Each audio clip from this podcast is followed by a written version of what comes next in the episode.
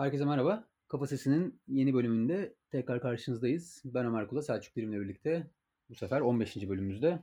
Geçen hafta ipucunu verdiğimiz e, bir konuyla bugün bir konuyu konuşacağız. Ama tabii hemen konuya girmeden önce çok enteresan bir hafta sonu. Şu an biz bu programı 22 Mart Pazartesi günü yapıyoruz ve Türkiye'de yine tarihe geçecek bir hafta sonu yaşandı. Hem ekonomi olsun ki zaten geçen hafta bir parti kapatma davaları. O konulara hiç girmeyeceğim. Ama biraz geç de olsa bir iki cümle bu İstanbul Sözleşmesi'nden çıkma ile ilgili bir şeyler söylemek istiyorum. Ya zaten dünyanın en saçma sapan şeyi olduğu yani su götürmez bir gerçek. Anlaşmadan nasıl çıkıldığı, tek imza ile çıkılması ayrı saçmalık. Neden çıktıklarını savunurken yaptıkları savunmaları ayrı saçmalık. Yani seksizmi daha doğrusu şöyle kadınlara karşı bir problemimiz yok derken artık LGBT'yi resmen bir suç bir illegal bir duruma düşürmeye kadar giden açıklamalara ve hatta Ankara Ankara Sözleşmesi biz yazacağız gibi çıkışta geldi. Muhtemelen kadınlarla ilgili bir şeyler yaparlar. Çünkü sonuçta kendi seçmenleri de rahatsız oluyor yani bu durumdan. Ama LGBT'yi hiç içine kapsamayan bir sözleşme bekliyorum. Ya benim bu konuda söyleyeceğim, yani uzatmayacağım zaten konuyu.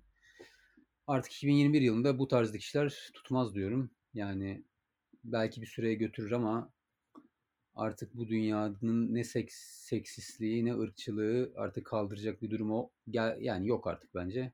O yüzden ben bu çabaların bir can çekişme olarak görüyorum.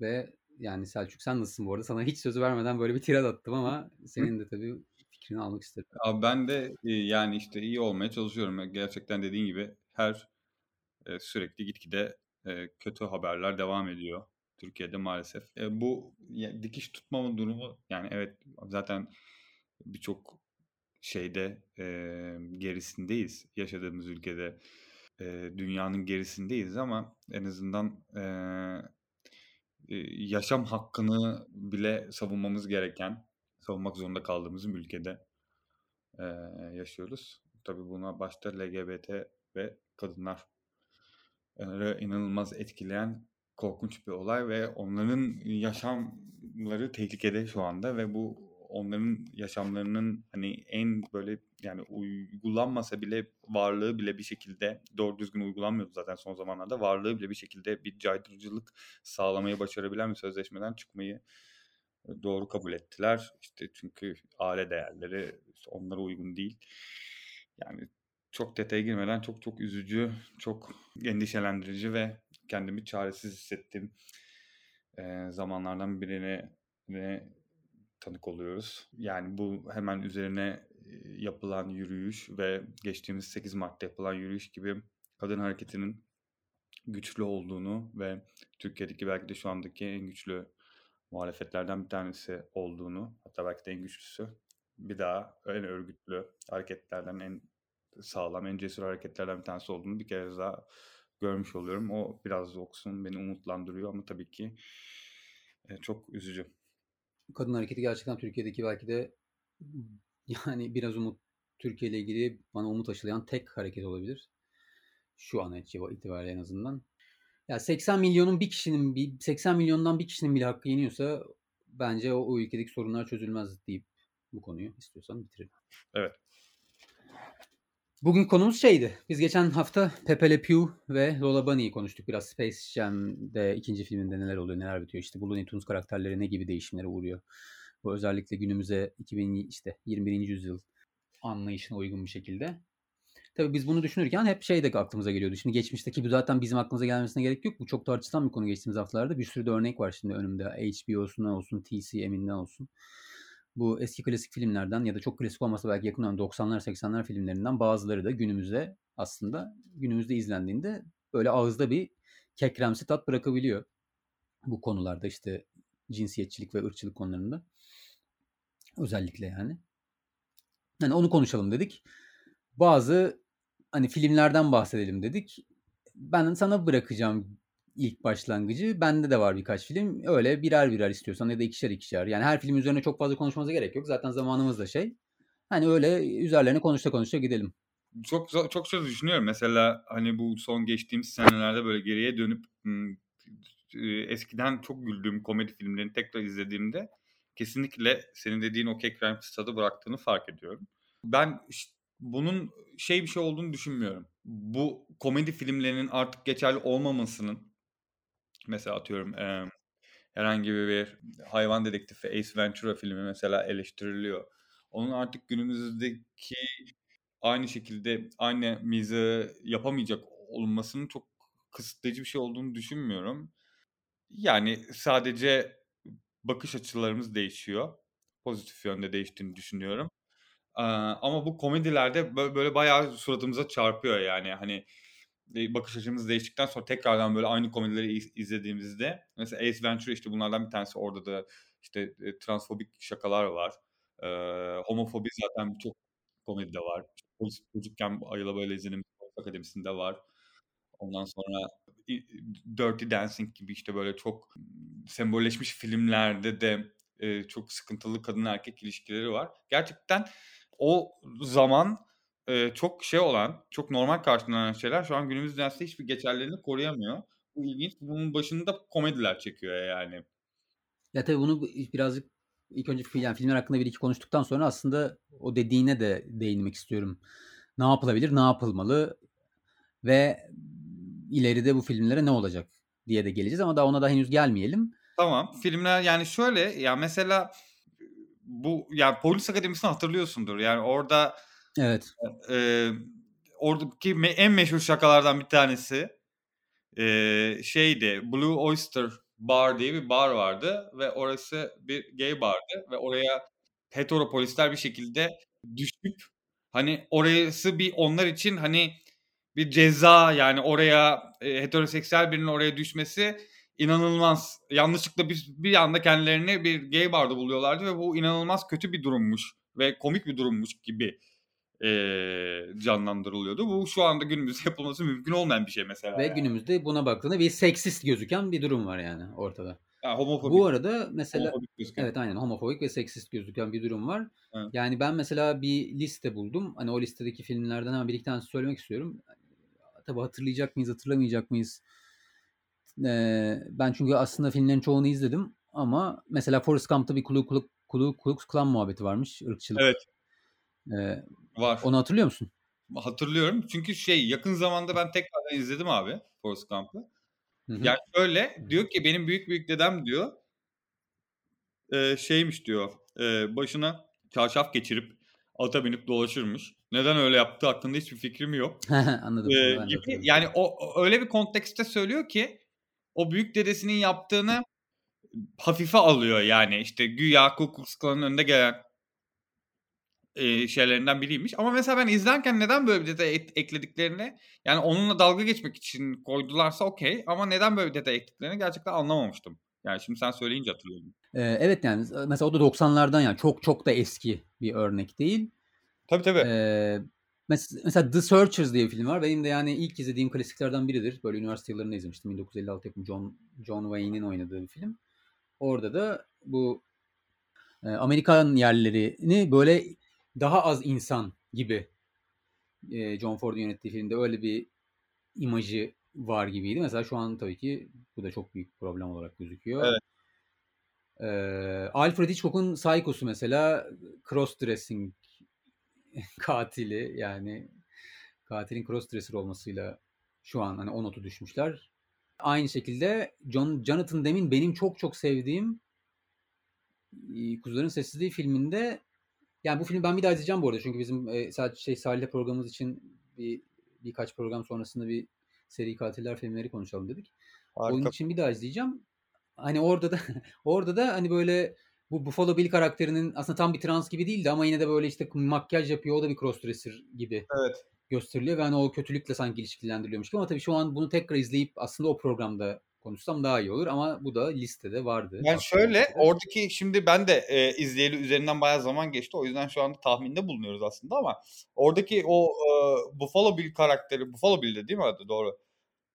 Buffalo Bill karakterinin zaten kendisinin cross dresser olması onun öldürme motivasyonunda yani, eee, o şey yapmak istiyordu. Yani öldürdüğü insanların parçalarıyla kendisine bir yeni bir vücut yapmaya çalışıyordu diye hatırlıyorum. Evet işte zaten onun o evet onun cross dressing muhabbeti böyle karakterinin hani problemli karakterinin bir parçası gibi. Evet, evet. Hani evet öyle sorunun yani. var. Bence. Öyleydi. Hı. Bayağı bir pro- problemliydi. Yani o hani bir onun cinsel yönelimi onu cinayete itmiş ve hani katil yapmış gibi sanki değil mi? Öyle bir durum vardı. Evet biraz eski bir düşünce zaten. Eskiden böyle bir düşünce varmış gerçekten. O yüzden hani sende var mı başka not? Yani şeyde filmlerde hani sen diyorsun hani Forrest Gump 90'larda yani abi 90'lar bile zaten çok sıkıntılıydı. Yani hatta 90'ları geçti. Bundan 10 sene önceki filmlerde de sıkıntı var. Yani Tabii tabii onu diyecektim. Zaten bu muhabbetler yapılalı aslında 2010 ve sonrası diyebiliriz. Evet, Daha Evet yani yeni aslında yani bazı şeylerin tekrardan şey yapma olması. Mesela izlediğimiz dizilerde de onun değiştiğini hissediyoruz. Mesela Modern Family başlangıcında yaptığı şakaları, ilk sezonlarda yaptıkları şakaları sonraki sezonlarda artık yapmıyor. Daha political correct davranıyor mesela yani. Tabii. Sana şöyle bir örnek vereyim o zaman. Son örneğim de bu olsun. Sonra sana bırakacağım sözü. Bu dizi deyince hemen aklıma geldi. Notların arasında yoktu da böyle aklıma bir esi verdi. Bu Çocuklar Duymasın bir tane bölümünde yıllar evvel hepimiz televizyonda izledik yani çocukken. Bir tane e, aileye işte siyahi bir öğrenci geliyor. Erasmus öğrencisi ve e, Haluk'tu galiba karakterin adı. Zaten rezalet bir dizi de niye bunu örnek verdiysem neyse. Ama televizyonda gösterildiği için bence önemli bir örnek yani. Milyonlar izledi diziyi. E, ve bu Haluk karakteri e, rüyasında bu siyahi genç öğrencinin arkadaşlarıyla birlikte böyle çok böyle ilkel bir şekilde bunu böyle bir kazana atıp e, Of.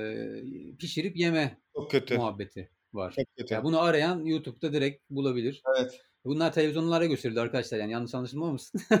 Hepimiz de oturup izledik ama işte kimse de oturup yani kimse de çıkıp bir şey demedi o zaman. Zaten güya Türk da- yok biliyorsun. Öyle kabul ediyor insanlar kendilerini. Tabii tabii. Tabii, tabii. Farkında Yani değiller. ırkçılığın farkında olmamamızdan. Olmama daha kötü. yani. Evet. Evet. Neyin ırkçılığı değil, neyin ırkçılık olup neyin ırkçılık olmadığının farkında değil sanırım. Tabii bizim hiç aslında ne Selçuk'ta ben yani Selçuk'ta söyledir büyük ihtimal. Yani şu an bunları kesin yargı. Bazen hatırlıyorum tabii. Mesela bu çocuklar duymasında kesin yargım var yani. Ama bugün bahsettiğimiz filmlerin isim verdiğimiz filmlerin çoğunda benim kesin yargım yok. Tekrar izlemek lazım. Kesinlikle. Burada önemli olan bu konuya nasıl yaklaşacağı. Mesela artık şey haberlerini verelim. Bundan sanıyorum bir tarihine bakayım. 4 Mart günü çıkmış bu haber. Ama ondan daha önce olmuştu bu ya. TCM'in işte bu, bu e, o da bir platform Amerika'da. İşte Breakfast at Tiffany's, Tarzan, Psycho, daha var işte Gone with the Wind. Ya bu mesela bunlar hep bunlar mesela problemli oldukları kabul edilen filmler. Hani artık üzerlerine çok tartışması kalmamış yani. İşte Gone with the Wind'de hani ırkçılık var yani bariz. Evet. Psycho'da da az önce bahsettik. Tarzan filminde var bir sürü şey. Şimdi TM, TCM bunları ne yaptı? Tuttu. Başlarına ve ilk önce çok fazla te- tepki geldi kalksın diye. Kaldırmadı platformundan. Önlerine bir açıklama koydu. Bu filmler şöyle şöyle şu yıllarda yapıldı. Falan filan diye koydular. 18 tane film film varmış bu şekilde. Sonra HBO da buna karşılık şey yaptı. HBO Max, onun da online platformu HBO'nun. Mesela Gone with the Wind onların elindeymiş. Haziran ayında almışlar Gone with the Wind'i ki tam o zamanlar bu Black Lives Matter protestoları artık en zirvesindeydi neredeyse. Ondan sonra tabii bunu koyduktan sonra bu Gone with Wind'i seyirciler çok tepki çekmiş falan. HBO tekrar almış filmi geri yani çekmiş yayından. Ama iki hafta sonra tekrar koymuş. Bu sefer bir a, Afrikalı Amerikalı bir film şey hocası Jacqueline Stewart'ın ön konuşmasıyla birlikte. The Complicated Legacy of Gone with the Wind adıyla. Hatta bir de Donald Bogle diye bir tane eee, yine bir öğretim görevlisinin konuşmasıyla vermişler. Bir de yayı tamamen yayından kaldırma gibi bir yöntem var. Şimdi bu üç, üç tane farklı yöntem söyleyeyim. Bir tanesi tamamen yayından kaldırma, bir tanesi yayından kaldırmayıp başına hemen böyle bir açıklama koyma. Bir tanesi de HBO'nun yaptığı gibi bayağı böyle akademisyenleri falan koyup bu konu bu konuyu biraz böyle hani meraklısına film öncesi anlatma konsept. Yani şöyle olmuş, böyle olmuş. Şu an böyle bu filmler gibisinden. Benim bir fikrim var aslında bu konuyla ilgili. Hatta ben hemen kendi fikrimi söyleyeyim sana sormadan önce. Çok kısa yani. Bence bana ve HBO'nun yaptığı en mantıklı gibi geliyor.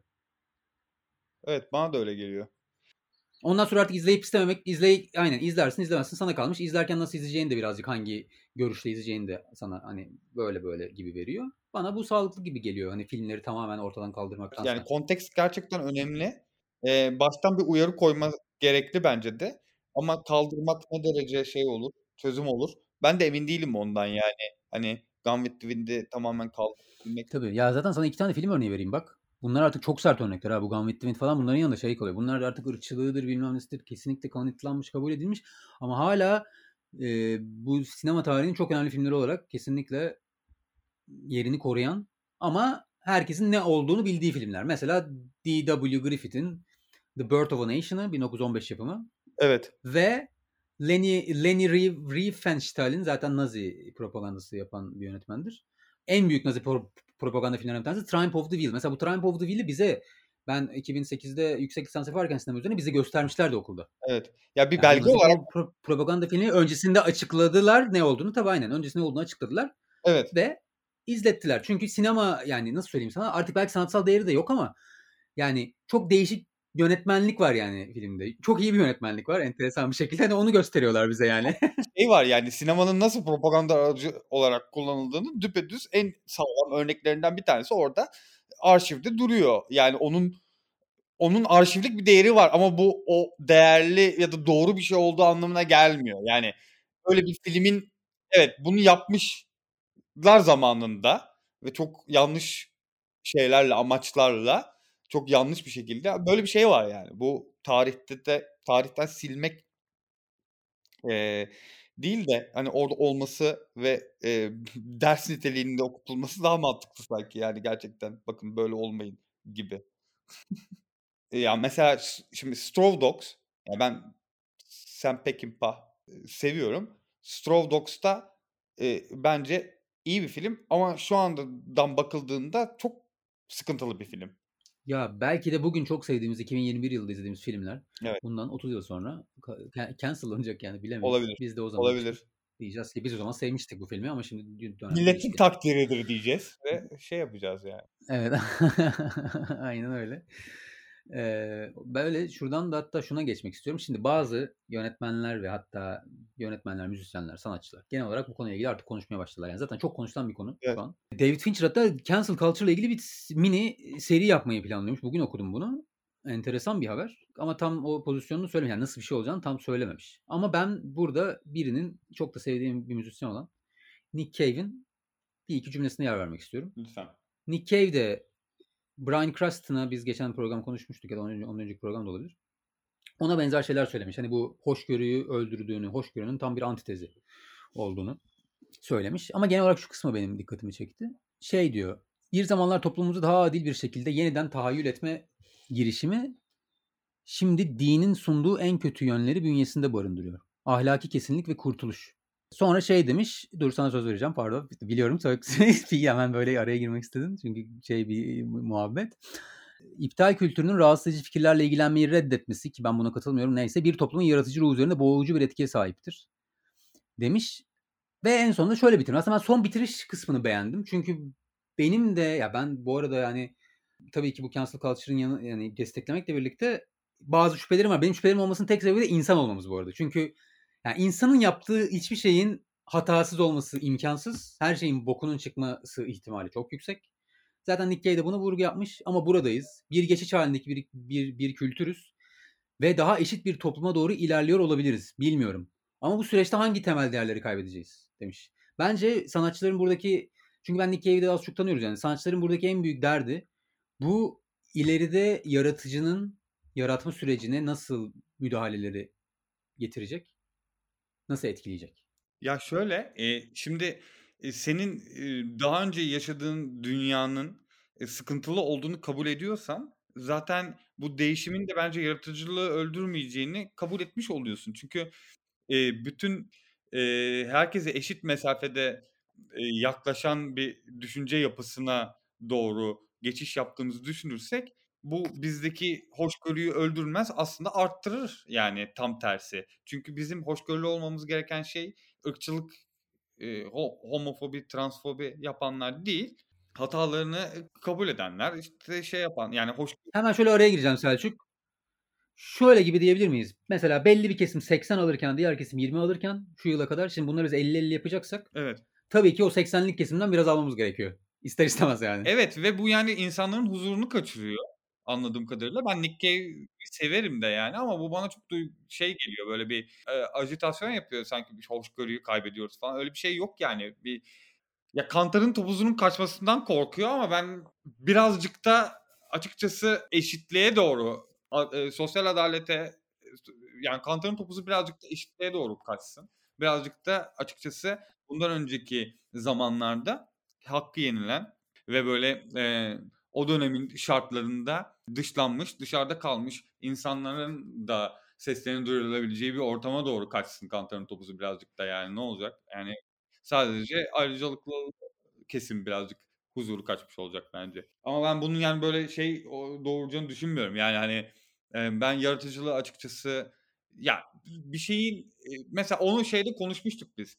Mesela atıyorum, eee, sırf, eee, diversity olsun diye normalde, eee, olmayacak, eee, bir karakterin Star Wars evrenine yedirilmesi, o Star Wars şeyinde böyle Tabii. biraz konuşmuştuk. Star Wars evrenine yedirilmesi, eee, ne kadar böyle, hani, o, ımm, şirketlerin yaptığı çok eğreti duruyorsa ve insanlar bunu bence fark ediyorsa gerektiğinde hoşgörü de gösterebilecek ve böyle yapay olan bu, ııı, politik doğruculukları da ayıklayabilecek bence. Ben buna inanıyorum yani pozitif yönde bu değişimin kendi içinde de bu fake şeyleri ayıklayacağına ve aşırıya kaçmayacağına inanıyorum en Ben de. Ben sana katılıyorum. Sadece bir bir noktada, işte, yine orayı söyleyip aslında son lafım olacak bu. Zaten süremizin de yavaş yavaş sonuna geliyoruz. Ben şöyle diyorum, yani zaten Kantar'ın Topuz'un kaçması bence sadece insanoğluna güvenmememden benim beni korkutuyor. Yani çünkü sonuçta kötü niyetli bu bu durumu da kötü niyetli kullanmak isteyen, sadece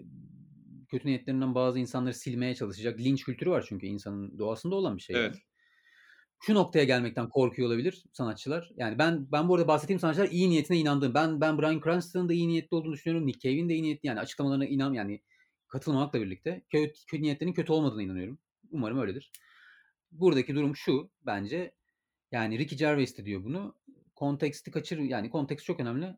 Yani bir stand-up komedyeni, yani böyle insanı rahatsız eden şakalar yapamayacaksa bu hareketin sonunda bence zarar verir evet, o bu zarar, yani Ya, burada ince ince bir çizgi var yani. Evet. Evet, ince bir çizgi var dediğin gibi gerçekten. Bu çizginin belirlenmesi ve, hani, eee, kimlerin çizginin ne tarafında kalacağını da böyle, eee, zaman ilerledikçe görüyoruz gibi yani bu durumu. Ben o yüzden stand-up komedileri özellikle çünkü bu konuda en önemli, görev onlara düşüyor. Görev demeyelim de en önemli sınavı onlar verecek gibi geliyor bana. Evet. Bundan sonra beğendiğim stand-upçıların yeni stand-up'larını daha da Evet, yani o onu merak ediyorum ben de. Yani nasıl olacak?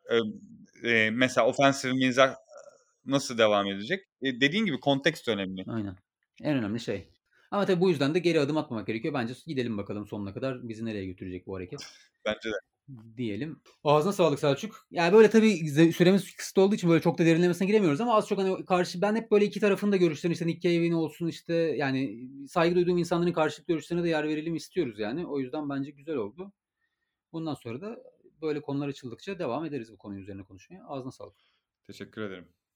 İii, bizi dinlediğiniz için çok teşekkür ederiz. Sonraki artık 16. bölümümüzde bugün 15'miş. Tekrar görüşmek üzere. Hoşça kalın. Hoşça kalın.